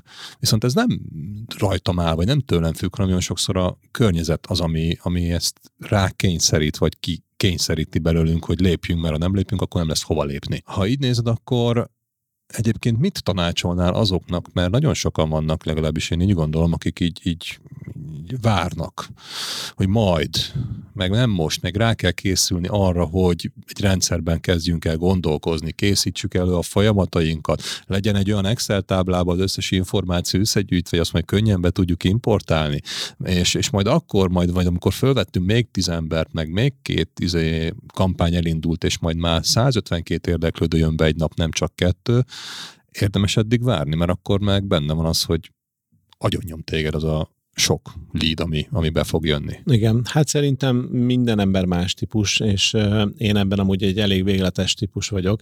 Én nagyon türelmetlen vagyok, és egyébként szerencsére a társam Miatt Zoli is. a kifli akkor, okay. igen. belül legyen a kaja. igen, igen, igen. Tehát, hogy, hogy a Zoli, Zoli is nagyon-nagyon egy türelmetlen ember, és mindig azt hittem, hogy ez egy rossz tulajdonság, és aztán rá kellett jönnöm, hogy az üzleti életben ez egyébként egy jó tulajdonság. Van az a mondás, hogy az okoskodás a tett halála. Tényleg nagyon sok ember ezerszer átgondol, és megtervez tervez valamit, és addig-addig tervezgeti, amíg aztán konkurencia megcsinálja helyette. Úgyhogy én, én, én mindig úgy vagyok vele, hogy inkább nézek bele több zsákutcába, és derüljön ki minél hamarabb, hogy azok zsákutcák, mint, mint évekig tervezgessem azt, hogy na melyik lesz az utca, ahova benyitok, és aztán majdnem ugyanakkor eséllyel lehet az is zsákutca, vagy, vagy a jó út. Én inkább, inkább pörgök, és egyébként barátaim emlékszem még a webshipi előtt illettek is ilyen kritikával, hogy hú, hát annyi mindenbe fogsz bele, és aztán olyan hamarabb hagyod. És igen, azért, mert nagyon sok mindent inkább elkezdek, megnézek. Ez a fail fast. Tehát, hogy próbáld meg, minél előbb bukjál el, tud, hogy elbuktál, tud, hogy miért buktál el, és tud, hogy ebből mit tanulsz, és a következő esetben már mi lesz másképp. De akkor ezt tudatosan csinálod, mert itt nem arról, ez fontos, amit mondtál, hogy egy nem maradjál le. Tehát ez fontos dolog, mert, mert ha lemaradtál, akkor sokan ezen második, vagy sokadik szereplőként utolérni majd, aki elhúzott. A másik viszont, amit mondtál, hogy hú, erre szokták azt mondani, hogy nem kitartó ez az ember, ugye mindent elkezd, azt mindent abba hagy, akkor nem, nem lehet vele. De nem, te pont nem ezt mondtad, hanem azt mondtad, hogy sok mindent kipróbálsz és validálod és utána nem esel bele abba a hibába, hogy hú, ezen már egy hónapja, ezen már fél év, ezen már egy éve dolgozunk, hát ha lesz belőle valami, és akkor a végtelen mennyiség időt, energiát, pénzt el lehet égetni egy olyan dologra, ami soha nem fog működni. Pontosan. És ha ezt te felismered, akkor nagyon nehéz szerintem ez a, egy jó tulajdonság, hogy neked megvan, mert nehéz döntéseket meg tudsz hozni, hogy oké, okay, abba hagyom.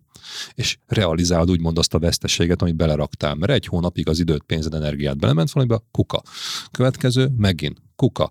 Harmadik kuka, ha összes ilyen döntésed egy, egy lenne, akkor mindegyik izé félhet volna, tehát nem sikerül, hogy mondtad, akkor valószínűleg nem beszélgetnénk itt, és nem egy ilyen céged lenne, de ez egy, ez egy nagyon nehéz és egy jó tulajdonság szerint, ami, meg, ami megvan benned. Ez mennyire általános egyébként? Mondtad, hogy ismerősi körödben sem sokan vannak így. Szerintem itt a vállalkozói körben ez mennyire elterjedt? Mennyire merik ezt meglépni a magyar KKV-k? Hát szerintem nem sokan, én nagyon-nagyon kevés olyan embert ismerek, aki ennyire pörgős. Én ezért örülök például Zolival, hogy egymásra találtunk, mert mi nagyon-nagyon megértjük ma egymást. Sokszor összefeszülünk bizonyos dolgokon, mert nyilván mind a ketten nagyon okosak vagyunk, és mindent nagyon jól tudunk, és akkor van egy kis összefeszülés, de pontosan azért, mert annyira pörgünk, olyan ma- ma- nagy, magas hatásfokon égünk mind a ketten, hogy, hogy nagyon, nagyon hamar tudunk haladni. És, és felismertük azt, hogy egy dolgunk nincs időnk egy olyan világban, ahol naponta indulnak új cégek, írdatlan mennyiségű kockázati tőke van a piacon, gyakorlatilag iszonyatosan egyszerű pénzthez jutni ahhoz, hogy támogatást kapjál a vállalkozásodhoz. Nagyon-nagyon-nagyon sok okos ember van, Úgyhogy itt nem érünk arra rá, hogy én majd kikísérletezem meg, majd szépen lassan eljutok. Nem, itt csinálni kell. Ha nem csinálod, akkor lemaradsz, akkor megcsinálj más. És egyébként nagyon érdekes, ez, ez pont ez jut arra eszembe, hogy vannak olyan vállalkozók, ilyen startup vállalkozók, akik mondják, hogy van egy tök jó ötletem. Nem mondom el, mert, mert nem, nem merem elmondani, mert az ötletet nem mondom el, mert félek, hogy lenyúlják, és így mindig ezt szoktam mondani, hogy olyan nincs. Tehát, hogyha valaki tényleg lenyúlja az ötlet, az ötlet az 5 az exekúció, a megvalósítás 95 Ha te elmondod valakinek az ötletedet, és az valaki megcsinálja, akkor így is is le fog nyomni, mert az akkor is meg fogja csinálni, amikor te már elkezdted, és akkor már akkor fog lenyomni, amikor te már dolgozol rajta. Akkor Igen. nem te voltál az ügyesebb, nem te voltál a gyorsabb. Úgyhogy teljesen mindegy. Mondd el inkább minél több embernek az ötletedet, mert soha nem tudhatod, hogy, hogy hol találkozol valakivel, aki támogatni tud, aki segíteni tud, aki esetleg a co meg tud jelenni az életedben, és, és így fogsz tudni előre menni. Igen, és ez lehet, hogy egy ilyen történelmi sajátosság itt a régióból, hogy jaj, nem mondom el, titkos meg minden, és majd, majd ha majd elindul, akkor majd mindenki valaki megveszi másnap. És ez nem így ez működik. Nem így működik. Ez nem így működik, mert ahhoz egy el kéne tudni adni azt a dolgot, hogy ne csak nálad legyen, és egyébként meg lehet, hogy tök zsákutcaből mész, mert ha nem mondod el, nem kapsz visszajelzést, Pontosan. és nem csak az ismerősökről, a piactól, vagy, vagy bárki olyan, aki ebbe a körben mozog, nem ad visszajelzést, hogy ez jó, akkor lehet, hogy egy, egy nagyon nagy zsákutca az egész, Pontosan. és a teljes életed, az összes időd erre ment rá, mi lesz belőle? brutális nagy bukás. Pontosan. És nyugaton, meg Amerikában tényleg ez a már, már sok esetben úgy érzek, hogy túl nyílt dolog, vagy működés, vagy, vagy nem tudom, milyen, milyen mindset van náluk, amiben azonnal elmondanak mindenkit, még, még kész sincsen az a termék, de már, már így, így szétesik szinte, de már piacra van és eladják, és onnantól kezdve a valós visszajelzések alapján csinálnak belőle egy jobbat, egy második verziót. Maximum kompenzálják majd azt, aki először Persze. belerakott egy kis pénzt, mert a legjobb befektetőnk akár is nézzük az ügyfelünk, Persze. és az ügyfél pénzéből érdemes ezt csinálni, úgyhogy ezzel maximálisan egyetértek. És ha jól értem, akkor veled azért könnyű együtt dolgozni, legalábbis most azt mondom, mint egy szolgáltató a, a mi oldalunkról, várjál, biztos mindenkivel nehéz, és mindenkivel megvannak az igényei, de az jó megoldást kell választani. Viszont azért könnyű, szerintem legalábbis az én nézőpontomból, mert te tipikusan nem az a vállalkozó vagy, hogy ráírunk arra még, majd, majd kitalálom én, majd lesz valami, majd jövőre, majd fél év múlva, mert sosincsen ideális pillanat. Én ezt tanultam Persze. meg az életbe. Mindig van valami. Ha éppen nyugi van, akkor azonnal beüt a ménykő, amire nem számít a előre, és mindig lesz valami, ami miatt mindig ég a házad, és el kell oltani. És innentől kezdve ha várunk, várunk, várunk, és nem lépünk, nem fejlesztünk, nem újítunk, nem hatékonyabbá tesszük, nem tesszük hatékonyabbá a folyamatainkat, nem automatizálunk, nálad a technológiai újdonság, nem lesz új robot, vagy bármi ilyesmi, akkor így, így szépen így ott, ott el leszünk a sok játékos között, és nem a első pozícióba.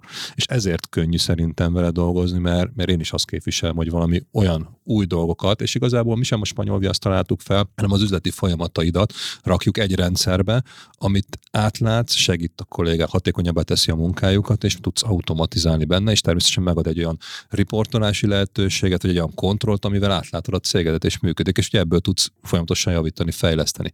És szerintem ez egy olyan dolog, ami nagyjából a sikereidnek az egyik záloga lehet, hogy, hogy hajt a véred, mondjuk így, nem? Talán.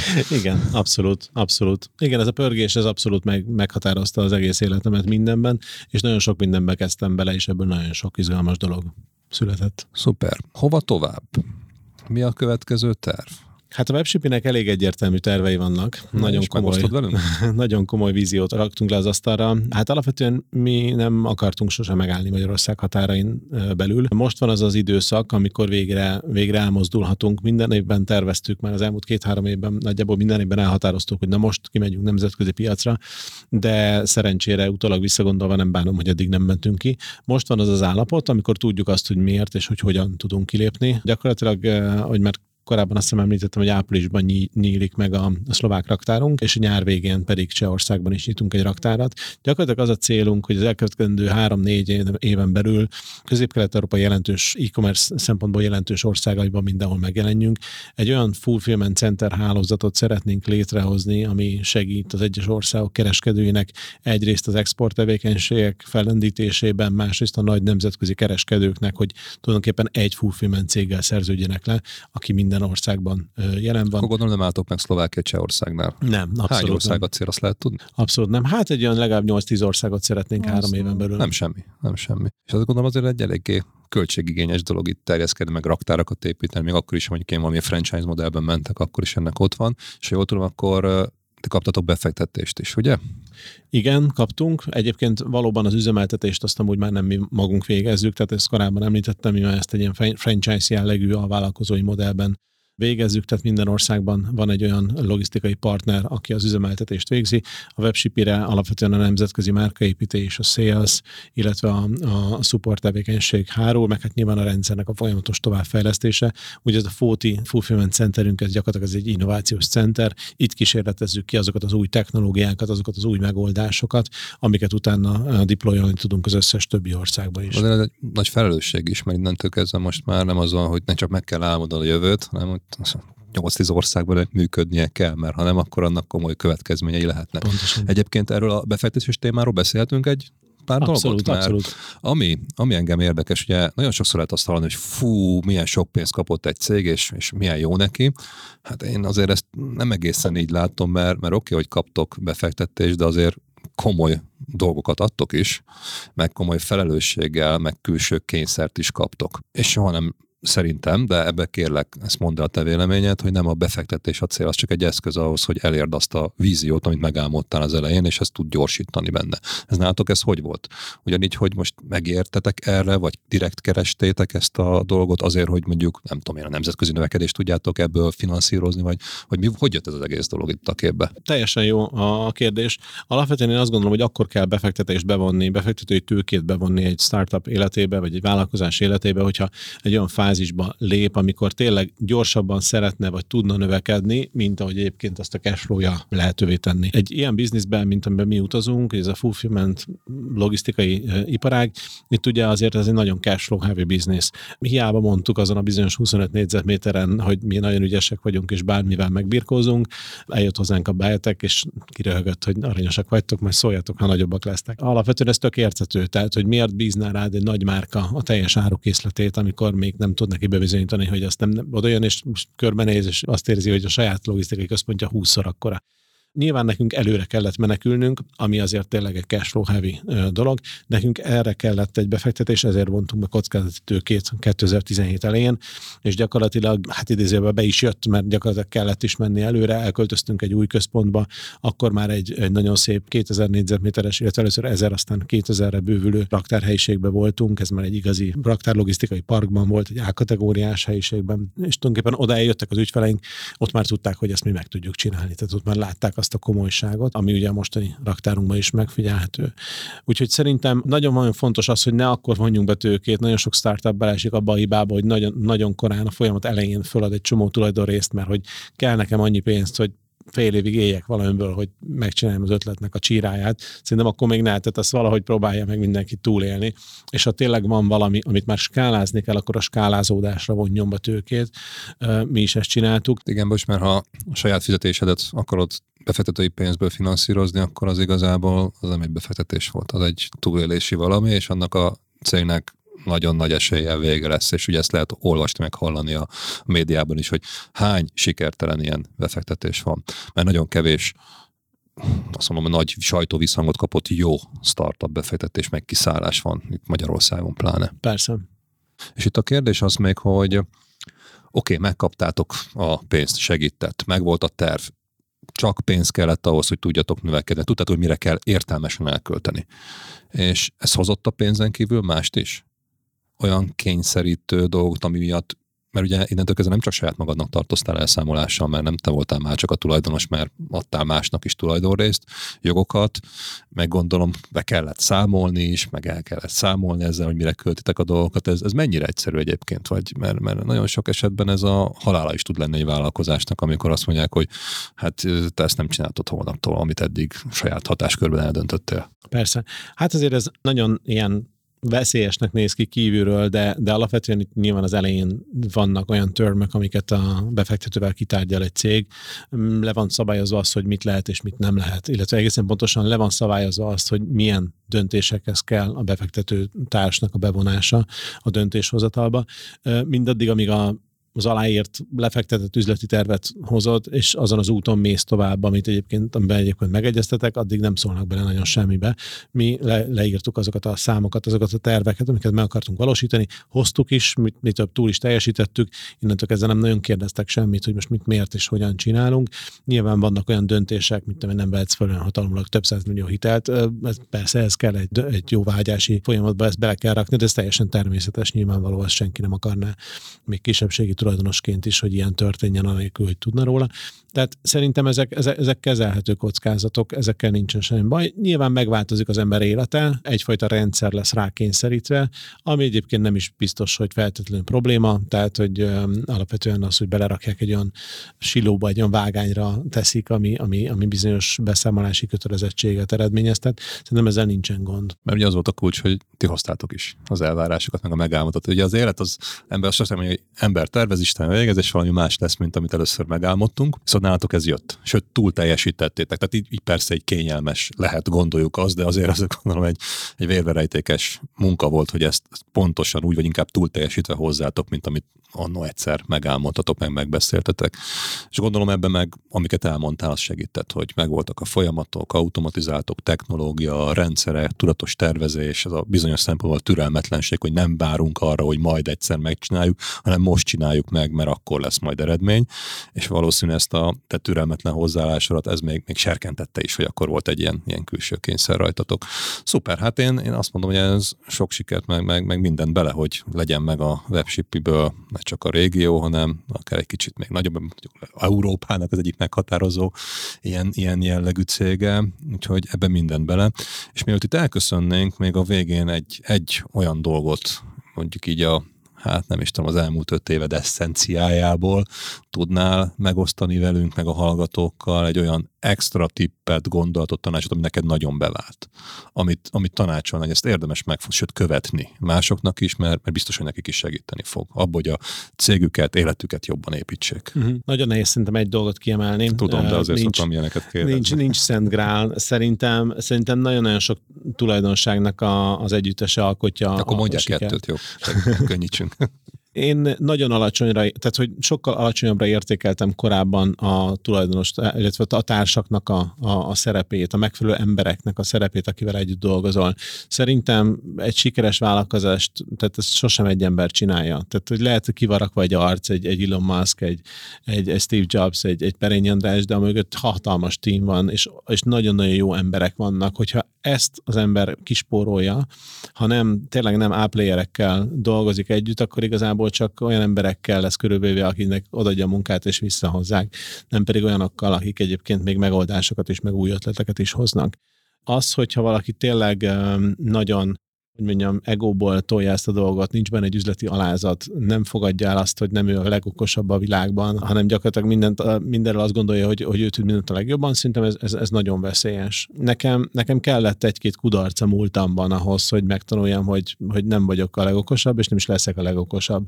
Viszont nyitott vagyok, és nyitott vagyok tanulni, és van benne üzleti alázat, és azt gondolom, hogy megtaláltam azokat a társakat, azokat a kollégákat, akivel közösen tudjuk ezt az álmot építeni. Igen, mert amit mondasz, az igazából nagyon gyorsan a saját magad, vagy te saját magad leszel a céged növekedésének a korlátja. Pontosan. Mert nem ismered fel azt, hogy mind kéne változtatni, és van az a mondás is, hogy ha gyorsan akarsz menni, menj egyedül, ha meg messzire akarsz eljutni, akkor menj egy csapattal. És akkor neked is ez volt a felismerés, és az, hogy egy jó csapatot építettetek magatok köré, mert ketten indultatok, és most már hát 170-en viszitek tovább ezt, és gondolom nem ez lesz a maximális létszáma a cégnél, ami elő fog fordulni. Szuper, én köszönöm szépen ezt a tippet is, meg ezt a beszélgetést is, hogy így visszagondolva azért, hát nagyon tanulságos, meg én élveztem, nagyon jó volt, és tényleg, hogy egy új dolgot ugye saját problémából indultatok el, amivel küzdetetek nap mint nap itt a webshopos bizniszben, és nem az volt, hogy oké, okay, akkor dobjuk mindent félre, azt csináljuk azt, hanem megnéztétek tudatosan azt, hogy ez külföldön, nyugatra tőlünk, ahol már ennek, mit tudom, 5-10 évvel előttünk jár a piac, van erre megoldás, igen, megtaláltátok, azt saját magatokon validálva létrehoztatok egy, egy lényegében egy új céget, és akkor nem is vártatok sokáig, hanem mondjuk a szomszéd webshop egyből elő is fizetett rá, mert egy baromi jó volt a, úgymond a PR-otok, mert már kettőre végeztetek a melóval, ha így nézzük, és ebből elindult egy olyan tudatos építkezés, ahol, ahol tényleg az egyik legfontosabb dolog az volt, hogy nem ugyanazt csináltok, mint mások, meg mint az elmúlt tíz évben, hanem valami teljesen új technológiai újdonságot csináltatok, és újra fogalmaztátok nagyjából ezt a piacot, megteremtettétek mondjuk így ezt a fulfillment piacot, és azt is újra fogalmaztátok, és nem álltatok meg ott, hogy akkor ott legyetek egy, egy nagy és jó szereplő, hanem folyamatosan innováltok. És hát az, hogy ilyen szinten rendszerben gondolkozol, plusz azt a türelmetlenséget mellé téve, hogy nem, áll, nem érünk rá. Nincs, nincs időnk, mert igen, az idő az mindenkinek legdrágább kincse, ugyanannyi van, időgépet nem találta föl senki. Haladni kell, menni, menni kell, és az a ember típus, aki te vagy, és amit el szeretnél érni, azzal a hozzáállással, amit mondtam, mert nagyon fontos, hogy, hogy ne azt gondolt, hogy majd én megmondom, és az lesz a legjobb, hanem tényleg olyan emberekkel meg magad körbe, akik, akik akarnak, és ők is előre visznek téged, ezzel a csapattal fölépítve, hát én nem csodálkozom, hogy sikerült egy ilyen szuper sztorit összeraknatok, amit itt elmondtál a webshippivel. A 2,6 milliárd is árbevétel is szerintem 2,1? 2,4. 2,4, bocsánat. Hát, én már előre, már biztos már megvan az a 2,6 is az idejében, sőt túl is fogjátok szárnyalni. Eh, hát kívánom, hogy legyen tízszer annyi, meg legyetek tízszer annyi országban, mint amennyiben most vagytok. Őszintén gratulálok, úgyhogy egy izgalmas sztori a tiétek, és hát mindent bele. Nagyon szépen köszönöm, köszönjük, szépen, és köszönöm a lehetőséget. Köszönöm szépen. Sziasztok. Sziasztok. Érdekel részletesen, hogy Perényi András, a webshipi cégépítője milyen folyamatoknak és rendszereknek köszönhetően ért el eddigi sikereit? A választ a cégépítő blogjában találod. A linket keresd az epizód leírásában. A következő adás vendége Rácz Csaba, az árukereső cégépítője. Hallgass bele! Azzal kerestek meg, hogy nem tudnék-e nekik tobrozni katalógus feltöltéshez hallgatókat mind a mai napig. Nagyjából tudom, hogy ezek milyen téglákból épül fel az egész kép, és ezeket a téglákat valami estén is helyeztem oda. Itt jön az automata, aki egy-két nap elteltével már küldi is az üzenetet, hogy na, a következő lépés akkor a terméklista összeállítása lenne, itt lehet feltölteni, itt van a leírás hozzá, és állunk rendelkezésre, hogy bármilyen kérdés van. Köszönjük, hogy velünk voltál! Kövesd a cégépítőket, amit megtalálsz kedvenc podcast platformodon. Hallgass a sorozatot, értékelt, bízom benne, hogy öt csillagra, hozd meg másokkal, és találkozzunk a következő adások során is. Látogass el a Cégépítő blogjára, ahol olyan értékes információkhoz juthatsz, amik segítenek mindennapjét és a céget sikeresebbé tételében. Tanulj és inspirálódj velünk, legyél jobb minden nappal. Én Egerszék Krisztián vagyok, és ez itt a Cégépítő Podcast.